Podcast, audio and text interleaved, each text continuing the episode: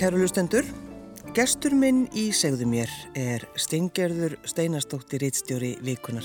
Velkomin í þáttinn. Takk fyrir. Lesa Karlmenn Vikuna? Já, það er nefnilega merkilegt nokka. Þeir eru sko talsverði hluti af lesendahóknum þó að þeir sé alls ekki meiri hluta og seinast þegar voru gerðar kannanir á útbreyslu og lestri vikunar Þá voru það 46.900 mann sem að sáu bladið og lásu það í viku hverri og þara voru 13.600 karlmenn. Já, já. Varstu, varstu hissað því? Já, ég var svolítið hissa en eh, auðvitað þegar maður fyrir að hugsa dæmi til enda þá er vikan svo óskaplega fjölbreytt blad og við leggjum okkur fram um að fara inn í öll málefni og vera opinn fyrir umfjöllunum nánast allt vegna þess að við viljum auðvitað höfða til hvenna og áhuga mála hvenna mm. og konur hafa náttúrulega bara áhuga á öllum sköpuðum hlutum undir sólinni og það sama auðvitað við um kallmenn þannig að auðvitað er efni í vikunni sem kallmenn hafa áhuga á mm. líka. En, en þetta er kvennablað eða talið um það? Já, já.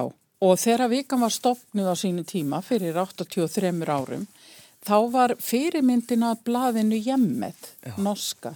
Sem norska, margir kannast við. Já, sem margir kannast við. Og það var beinlínis, því var beinlínis beint að konum.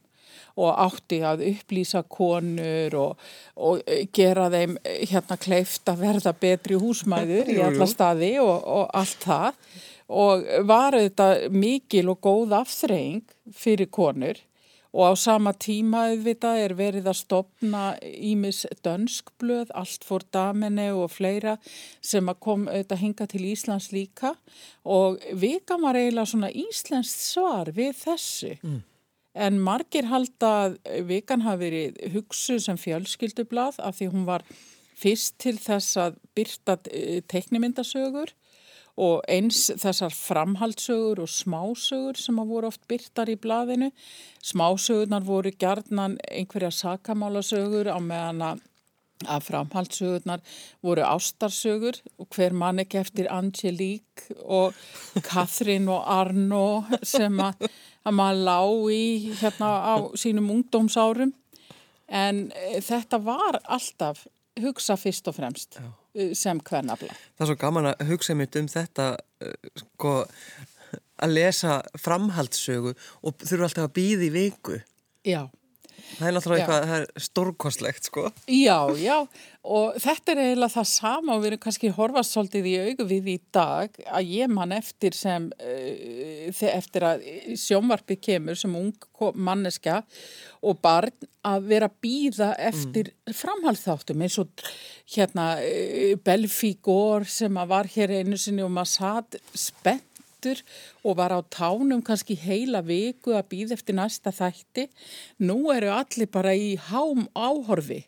Þú býður ekkert eftir því að koma staði hver morðingin er og fólki finnst bara beinlínis leiðilegt að vera sett í þá stöðu að þurfa að býða heila viku eftir næsta þætti á sakamála þætti og það er kannski það sama og hérna örlög framhaldssögunar urðu að, að fólk gæti ekki beðið. Já. Þannig að það, það var svona, hún datt upp fyrir einhvern veginn? Já, já, hún gerði það og e, sjálfsagt bæði vegna þessa áhugin á slíku mingaði og frambóða bókum var þau auðveldara líka og þær eru þau ódýrari og svo bara það að bladið hefur verið ótrúlega duglegt og í gegnum tíðina fyllt tíðarandanum óskaplega vel mm.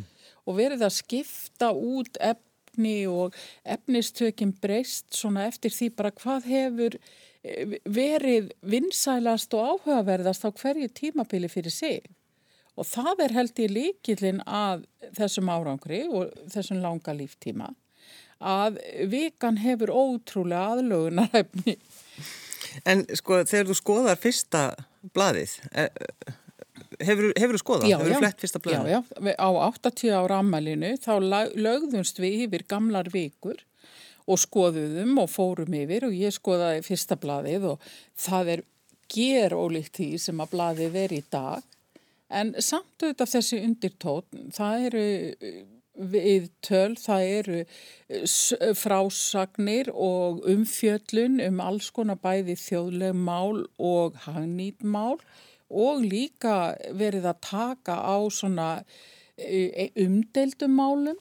Já, það er það bara strax. Þarna. Já, það er það bara strax og en það er auðvitað svona, í fyrsta blaðinu þá er tónnin svolítið þessi e, ungmenna félagstótt, getur við sagt og það sem að mér finnst líka alltaf merkilegt að vera að fara í gegnum vikuna að þú sérði í raun og veru sögu og þróun bladamennsku.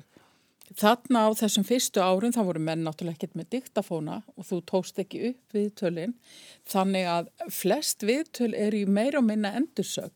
Það er kannski bara ein eh, eða tvær eh, svona málskreinar þar sem að tekið er beint frá viðmælanda og þá er það haft innan gæðsalappa en allt annað er í raunum verið bara frásögn bladamannsins og endursögn hans á efni viðtalsins og það auðvitað segir okkur það að, að bladamenn náttúrulega höfðu ekki kannski stálminni og nótur gáfið þér ekki tilefni til þess að geta skrifa langa kabla sem voru beint haft eftir viðmælanda en núna í dag hefur þetta alveg snúist við Nú er bladamæðurinn í, með örfháar setningar sem að koma frá honum mm. sjálfum sem að leiða að svari eða, eða frásögn viðmælandans. Og þetta getur við náttúrulega að þakka diktafónun. Já, auðvitað. Það er náttúrulega þannig. En er, er það rétt að, að teiknumyndasögur byrtust í fyrsta skipti já, í bladi? Já, var fyrst, þetta var í fyrsta sinn sem að, að e, sko það hafði byrst skrýtlur, þar að segja svona ein mynd með einhverjum teksta undir. Mm -hmm. Þær hafði byrst í, í dagblöðum og uh, svona inn í uh, sjálfsagt einhverjum Eh, hérna tímaritum eða einhverju slíku áður því að það var vel þekkt svona skopmyndir og þær hafa alltaf fyllt bladamennsku en svona heileg teikni myndaseria mm. Það hafi ekki byrst áður fyrir en að vikan komi gissur gullras og, og skugga og, og eh, allt þetta sem að, að í gegnum tíðina var hluti af bladinu. Og ástæða fyrir því að sem við kæftu? Já, já, akkurat. Já. Og eh, kannski ástæðan fyrir því líka að Andrés Blöðin átti hinga greiðan aðgang og eins setna þegar að Tinni kom og, og fleiri af þessum myndasögu bókum mm. að, að þá kannast fólk við formið. Já, já, já, já. Stengjörður, af hverju fórstu í þetta? Ég er náttúrulega haldinn þessum atvinni sjúkdómi sem að, að all, allt fjölmjöla fólk hefur, það er forvitnin. Ég hef óskaplega mikinn áhuga á fólki og eh, áhuga á að hlusta fólk, heyra af reynslu þess og bara áhuga á að vita hvað er það sem að heldur þér gangandi, kemur þér á fætur og mótnana eða, eða bara eh, ve vekur með þér ástríðu og áhuga. Mér finnst þetta allt svo fróðlegt og svo skemmtilegt og Ég veit ekkert eiginlega uh, áhugaverðar eða skemmtilegur en að sitja með góðu fólki og heyra það að segja frá einhverju sem að virkilega og verulega skiptir það máli. Mm. Og ég hef aldrei uh, skilið þess uh, að segja að þú lærir ekki af reynslu annara. Því lík vitleisa. Sko ég bara á mínu 60 og eins ás lífi þá hef ég hvergi lært meira heldur en einmitt af reynslu annara og að hlusta á fólk segja frá kannski erfiðri upplifin eða lífsreynslu sem er ónótaleg og anstíkileg og lýsa því hvernig það komst í gegnum þetta það kennir manni svo rosalega margt. Þó að það sé vissulega erfitt og enginn geti raunverulega sett sig algjörlega í spór annara vegna þess að eh, manneskjan er bara ólík og þú getur aldrei upplifað sama hlutin á sama hátt og einhver annar, að þá samt sem áður þá kennir viðbröð þessara mannesku og úrvinnsla hennar á einhverju erfileikum, vandamálum eða verkefnum þér ansi margt um hvernig þú getur breytt og bætt þínu eigin lífi og ég hef svo oft lent í því kannski að vera þreytt, vera leið á lífinu sem ég lifi og langa í eitthvað annað. Við upplifum þetta sjálfsagt öll að okkur langar stundu til að stíga út úr okkar hverstarslífi og inn í eitthvað annað og alveg nýtt. Svo hitti ég einhvern viðmælanda og þessi manneska er svo jákvæð, svo uh, frábær, hefur hérna sigrast á ótrúlegustu hlutum og bara veitir mér einhvern svona innblástur þannig að maður fer heim og hugsa með sér já, þú bara ert á góðum stað og þú getur tekið þér hana til fyrirmyndar því að hún vann svo afskaplega vel úr sínum málum og það er líka svona ímislegt varðandi samskipti mm. og hvernig þú hugsar viðbröðinga hvert öðru fólki og e, bara umgengni við annað fólk, virðing fyrir öðru fólki. Það er allt þetta að hafa viðmælandi mínu kent mér í gegnum tíðina og núna sem rittstjóri að lesa viðtöl við fólk sem hefur kannski þurft að horfast í augu við einhverja hróðalega atbyrði og upplifanir sem að maður óskar ekki neinum og það hefur farið í gegnum þetta og komið bara heilla og sterkara og betra út á hinum endanum. Ef að eitthvað er kraftaverk þá er það það. En hefur alltaf verið uh, forvitin og haft áhuga fólki? Já, já, já, já, já. Ég hérna var eiginlega pínlítið óþólandi krakki. Ég var svona spurull og eh, var alltaf að spurja um allt og alla. Sem þótti ekki gott. Já, það þótti ekkert mjög gott og eins það að ef ég heyrði eitthvað um fólki satt gjarnan og hlustað á mömmu og vinkonir en að tala saman og þá var þetta stundum slúðrað og þá áttu ég til að endur taka slúðrið sem að var heldur ekkert vinsælt. Og ég hérna var líka mjög opinn fljóta kynnast fólki, átti hellingavinum Það er ennþá í minnum haft þegar 32 börn mættu í ammælið mitt og mamma opnaði dittnar fyrir hverju prúðbúna barninu með pakka á eftir öðru og hún var farin að svitna af óta við að hún ætti ekki mat handa öllum þessum fjölda. Og það, á þessum tíma voru barnaammæli svona 6-7 mestarlega í 8 krakkar það mætti 32 tími Hvað hva bauðun ykkur að borða? og það voru þetta tertur já, já, og það var, já, já, já, já, það var ekkert annað í þá daga, sko, það var appilsins flaska á mann og svo mm -hmm. voru bara tertur. Og það er ekki fyrir ég er orðin unlingur sem pulsupartíin fóru að hérna, verða vinsæl og ná yfir höndinni yfir allt annað. En þetta dugði hvernig svo sem að mömmu tósta að gera máltíður, fimm fiskum og, og, og tveimur bröðum eins og Kristur forðum að, að þá tóstinni allavega að fóðra þessa 32 krakka sem að mættu. Hvar, hvar ertu uh, alin upp? Ég er alin upp í hlýðunum. Ég fættist hérna í Reykjavík og pappa og mamma byggu þá í lítilli íbúð, þau fyrstu íbúð á laugavegi mm. Og þegar ég er fimm ára þá flytjum við upp í bólstaðalíð og ég bjóð þar alveg þangar til ég flýta heimann 18 ára gömul og það var mitt æsku heimili í Bólstæli 66 mm. og óskaplega gaman að alast þarna upp í hlýðunum, þetta var rólegt hverfi og þetta var e, mjög svona hópur af börnum þarna allt í kring og mjög svona skemmtilegur félagskapur og við leikum okkur rosalega mikið saman úti Þarna var æfingaskólinn sem núna heitir Háthaugskóli í byggingu. Við klifruðum þarna fram og tilbaka. Við hefum oft hugsað til þess að það var eiginlega bara stálhefni að við lifum þetta af. Mm. Því að maður var klifrandi hérna í stillönsum upp á annari og þriðju hæð. Við stukkum nýri sandtrúu af annari hæð. Algjörlega óttalauðs. Algjörlega óttalauðs og þetta var bara svakalegt sko. Var þetta stórt heimili?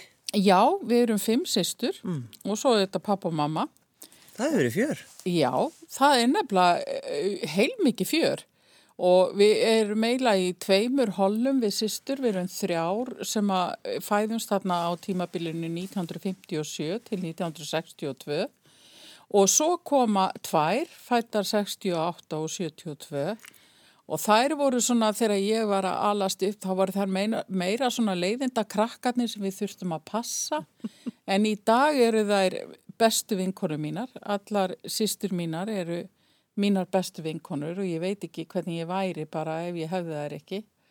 Og við eigum mjög gott samband, en papp og mamma eru bæði fallin frá og já, eh, pappi dó 2005 og mamma 2012 og það er svona skrítið að upplifa það því að þegar eh, maður er gungur og svona full, sem fullar manneski þá einhvern veginn finnst manni eins og þau verði alltaf til staðar. Og svo þegar maður vaknar einn daginn við það að maður er orðin elsta kynnslóðin í fjölskyldinni, stórfjölskyldinni þá er það svolítið skrítin tilfinning. Manni finnst maður þurfa að hætta að vera svona fáviti og verða virðulegri og það er svolítið erfi. Já, já. Stengjörður Steinastóður að hætta að reyna að vera fáviti. Já.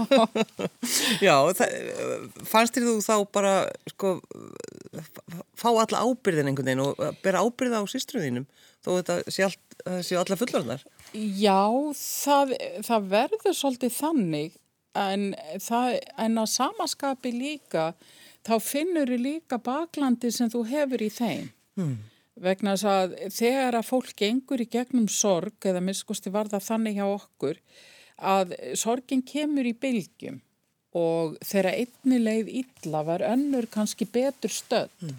Þannig að við gátum svolítið gripið hver aðra og þá fann maður ofsalega mikið fyrir því að e, það er eiginlega ekkert sem jafnast á við að eiga sískinni og eiga sérstaklega eiga svona góð sískinni og það er svolítið sérstök tilfinning held ég að vera hluti á stórum sískinahópi og ég get alveg ímynda mér að þeir, þau sem eru fleiri heldur en við, sex eða sjö eða jafnvel fleiri en það að þeir upplifi einmitt þetta. Og þegar að sískinni eru náinn að þá er eiginlega ekkert sem kemur í staðin fyrir það. Þetta eru sameigilega minningar, þetta er sameigilegar upplifanir og þarna er einhver sem þekkir þig út og inn einhvern veginn.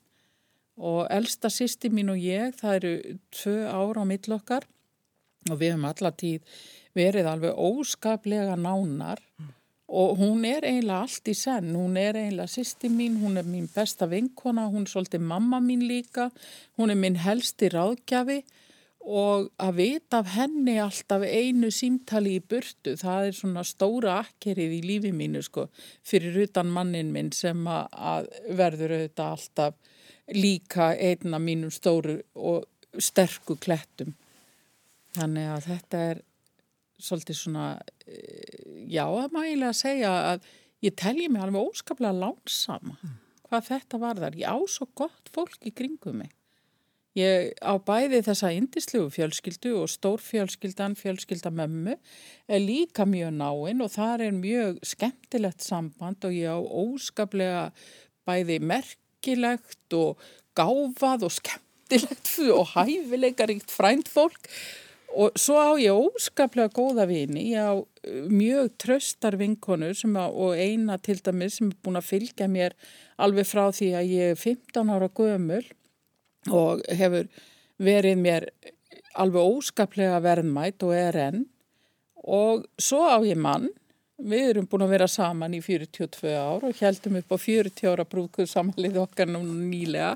Sko þegar maður er búin að vera giftur í 40 ár, Stengjörður hvað segðu nú hlustundum með galdurinn. Já. Hvernig, hvernig gerir maður þetta? Ég held að galdurinn sé náttúrulega bara fyrst og fremst að tala saman og vera órættur við að segja það sem að þér býr í brjósti. Ég held við séum allt og gjörna á það að vera alltaf að hlýfa eh, öðrum og mér til dæmis sérstaklega konur að við erum svolítið aldar upp í því að við erum að næra ego kallmannana og passa upp á að þeir fá nú ekki einhverja minnumáttakend eða, eða fara að líða eitthvað ítla yfir því að þeir sé ekki nógu góðir á einhvern hátt. Þannig að við þegjum oft yfir því sem að, að, að í raunverulega skiptir máli og af því að við höldum að þetta kom eitthvað ítla við þá og mér dættur einmitt í huga Það er í viðtali í nýjustu vikunni hjá okkur stúlka sem heitir Helga Snjólsdóttir og hún er að kenna konum að eh, stunda sjálfsfróin og vera sinn besti elskuji og þetta er einmitt held ég eitt af því að, að við erum alltaf að hugsa um þá og hugsa um þá í rúminu og þeir hérna fáið nú ekki einhverja minni mátt að kend en gleymum okkur sjálfum. Og þetta á við líka um allt í hjónalífinu. Hún talar einmitt um það í viðtalinu að nánd sé það sem að skorti hvað mest í samböndum í dag. Og ég held að það sé alveg rétt. Og ég meina það koma tímabil í öllum samböndum og sérstaklega samböndum sem vara svona lengi. Og það hefur alveg verið eh, tímar þar sem að ég hugsa með mig hversinni fjáranin giftistu leiðilegasta manni í sólkerfinu og hann hefur sjálfsagt hugsað það sama um mig einhver tíman þó ólíklegt sé en þá snýst þetta bara um að setjast nýður og tala saman og muna eftir að láta vita hvernig þér líður af hverju þú brást við einhverjum hlutum á þennan há. Þannig bæði að viðkomandi hafi eh, skilning á eh, þínu tilfinningarlífi og þú á hans. Mm. Og ég held að þetta sé eitt af því sem að, að sé bara líkillin af því að geta verið saman svona lengi.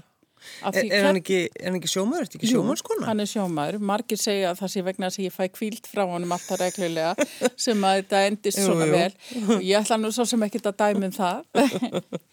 en það er alltaf þetta sko. Það getur engin lesið hugsanir og ef þú ert ekki tilbúin að segja frá þínum innstu hugsunum og þínum uh, upplifinum að þá getur ekki búist við skilningi. Mm og þá komum við aftur að því sem að ég er alltaf að gera að ég er alltaf að ymmit að miðla þessu að fólk sé að segja frá mörgum af sínum viðkvæmustu málum og, og viðkvæmustu upplifinum og ymmit hvernig það leisti úr því og hvernig það komst í gegnum það að akkurat þetta færir okkur svo mikið nær einhverjum öðrum og kannski er það þess vegna sem ég er svona gaman að þessu að maður skinnjar einmitt nándina og fær eitthvað svo mikið út úr því að geta snert aðra manneski á þennan hátt þótt að það sé ekki nema stuttastund í einu. Mm. Hvar hittur manniðinn, stengirur? Þetta var enn og saga að segja frá því. Það eiga náttúrulega öll pör sína sögur. Þannig var að sýstir mín, hún var í skátunum og fer í skátaferðalag til Írland svo kynnist það strák sem verður góður vinnur hennar. Hann kemur í kokkaskólan uh, þarna veturinn eftir þessa skátaferð og settist að á heimavist sjómanaskólans. Og við mætum þangað í heimsók til hans, unglingstelpur, ég er þarna átján að verða 19 ára og fannst ég alveg óskaplega hugurökk að vera þarna mættin í musteri karlmennskunar heima vist sjómanaskólans Það er ekki að hafa það flottara. Nei, akkurat. Og þarna kemur þessi strákur stórklæsilegur og svo myndalegur og ég náttúrulega var strax svona pínuskotin og hann var í svona handboltaból mm. og aftan á bólnum stóð nafnið hans, Gummi Og mér langaði náttúrulega til þess að vekja aðtiklis og ég ætlaði að vera óskapla fyndin og segi við sýsti mína, já sjáðu hvað hann er gummalegur þessi. Og hann bara horfi á mig, gjörsamlega bytt og hafði engan skilning á því hvað þessi blessu kona þarna eða stelpa var að meina og ég hérna sá að brandarinn hafi fallið freka flatur svo ég þagði það sem eftir var og kannski hefur það orðið til þess að er lést á mig, hún er kannski hugsað með sér, já hún getur þagað þessi, en allavega þá hittust við skömmu síðar og þannig var að ég var að halda upp á 19 ára amalið mitt og bauð þessum vilisistur minnar og baða hann um að taka hann með sér. En þeir fundi ekki húsið, báðir ókunnur í Reykjavík, þannig að þeir fundi ekki húsið þar sem partíið var en mættu í Sigtún sem var aðal staðurinn þarna eftir. Og það kvöld dönsuðu við saman í fyrsta skipti og, og eftir það svona voru við að hitta hittast nokkru sinnum og svo ringd hann í mig og bauð mér í bíó og við fórum í okkar fyrstu bíóferð.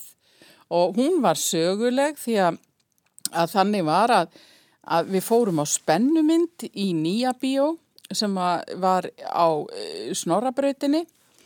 Og ég hérna á þarna rosalega spennandi stað í myndinni þar sem að konan er að gangi í myrkum kjallara og maður veit að morðingin er þarna að sveima um gangana og nálgast hana. Þá ætlaði ég að grýpa svona þjættingsfast í lærið á þessum eh, kærasta mínu sem þarna var og til að eh, gefa til kynna hvað ég væri nú hrætt og þetta nota tækifæri til að snerta hann eitthvað pínlítið Og það vildi svo óheppilega til að ég fór vittlusu megin og greipi við einhvern bráðókunnaðan mann sem að horfi svo á mig flýrulega og brosti til mín í hlíðinu. En þetta var til þess að gummi hlósi máttlausan og honu fannst þetta svo óstjórnlega fyndir að þessi saga er alltaf reglulega rivjuð upp í partíum þegar við erum einhver staðar að hann vil meina að hérna Þetta hafa orði til þess að hann hafi gert sér það ljósta það er það grípana strax því annars væri hún líkleg til þess að vera að káfa á einhverjum öðrum kalmunum. og þeir eru semst búin að vera saman síðan? Já, já, já, við erum búin að vera saman síðan og eigum tvö börn og sem eru auðvitað bæði orði fullorðin og, og svo eigum við tvö barnabörn líka. Já. Þannig að þetta er búin að vera æfintralega æfi. Þú, þú er búin að vera hvað, átta ára er það ekki reittstjóri? Jú, já. Já. Hvað varst að gera áður en þú varst rittstjóri vikunar? Ég var bladamæður. Ég er búin að vera bladamæður frá 1989. Mm. Þá byrjaði ég í bladamennsko þjóðviljana mm. og ég starfaði þar í eitt ár og þá fór ég í háskólan til að klára nám og síðan byrjaði ég á uh, tímaritum þegar ég kom út úr náminni. Tók, var meðal þeirra fyrstu sem tók hagnýtu fjölmiðlunina þegar hún var ah, hérna bóðið upp á hana sem var svona fyrsti vísir af bladamennsku skóla hér á Íslandi.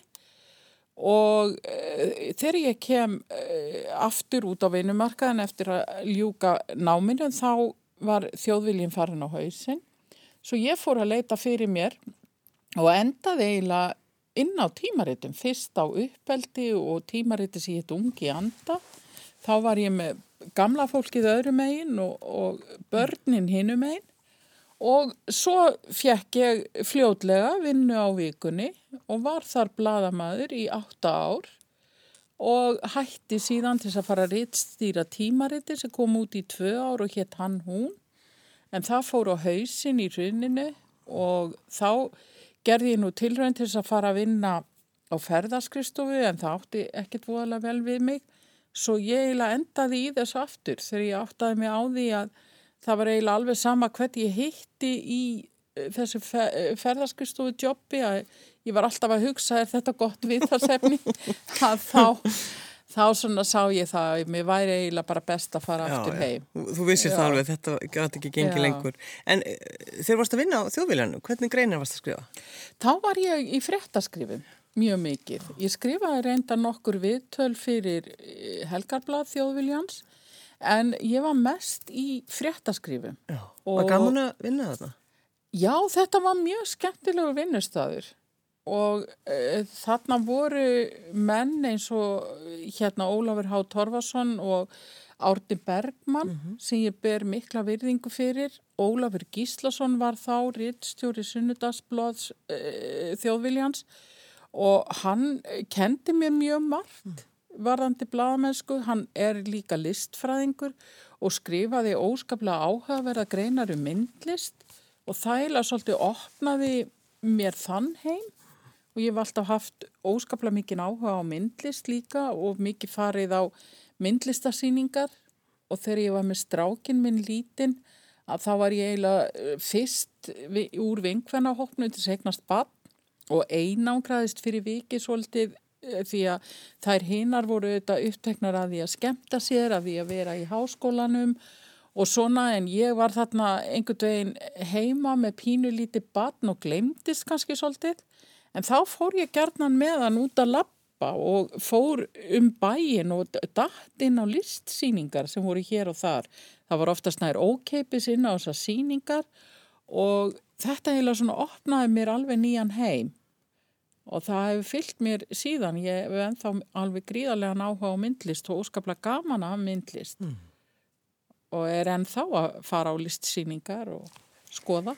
En var þetta sko, var þetta síðast árið sem þjóðviljin var eða, eða hvað? Já, sko, þjóðviljin er síðasta árið, það er árið sem ég er í háskólanum, ég útskrifast sko 1993 minni mig og það er þá sem að þjóðviljin er að fara á, á hausin sko. Já.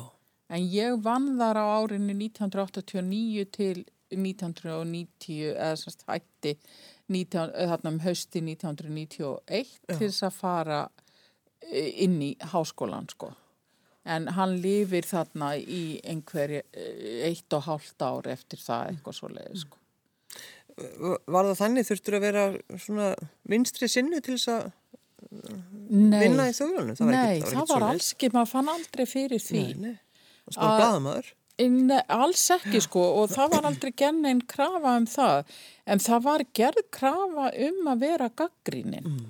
Og það held ég að hafi líka verið sko rosalega góð leksía að það var alltaf verið að leita að þarna öðru sjónarhortni á hlutina heldur en byrst hafði annar staðar og líka þetta að þeir voru mjög gaggrínir á samfélagið og vildu líta það gaggrínum augum og það held ég að hafi svona kent manni að skoða alltaf málinn frá einhverjum öðrum hliðum. Já. Þannig að þegar þú horfir á það sem þú hefur verið að vinna við stengilur eins og þú talar um sko að, að læra af reynslu annara og bara það, það fólk sem þú hefur hitt á lífsleginni uh, það hefur kentir ímislegt. Þú te tekið teki við því?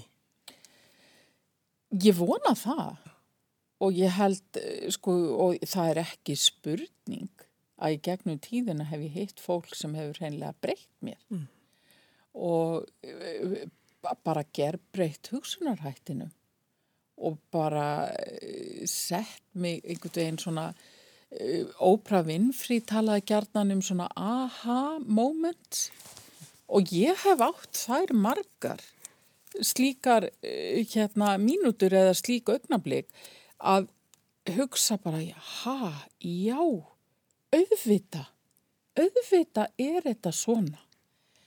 Og svo sannarlega hefur í gegnum tíðina einhvern veginn fólk verið það sem hefur skipt bara mestu máli í mínu lífi. Sjálfsagt er það þannig í lífi allra en kannski eru við mismótækileg fyrir áhrifum annara en mér finnst svona stundum eins og að ég er svo, svona pínulítið eins og svampur alltaf einhvern veginn að taka aðra inn á mig.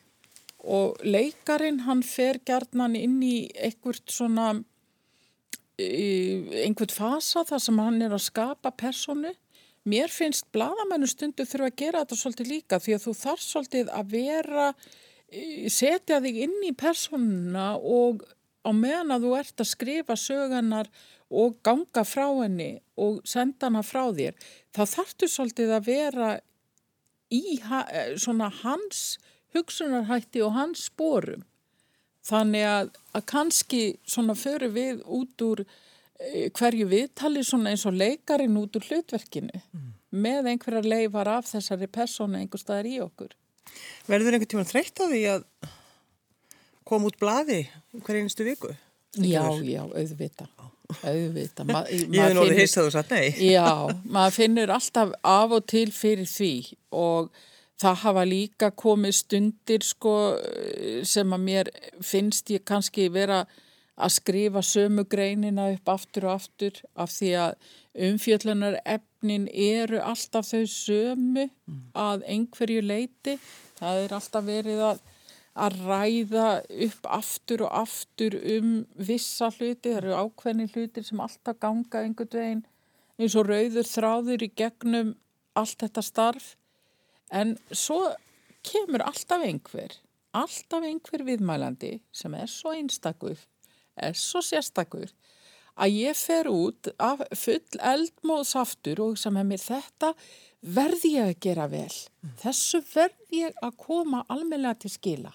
Fólk verður að skilja þetta og fá einhvern veginn endur nýja storkan Já. og áhugin fyrir starfinu. En hefur, þú skoðar fyrsta blaðið sem þú eh, stýrir eh, og blaðið sem kemur út núna, hvað, eh, hefur það breyst? Já, já, já, já. alveg heilmikið. Þetta hefur heilmikið breyst.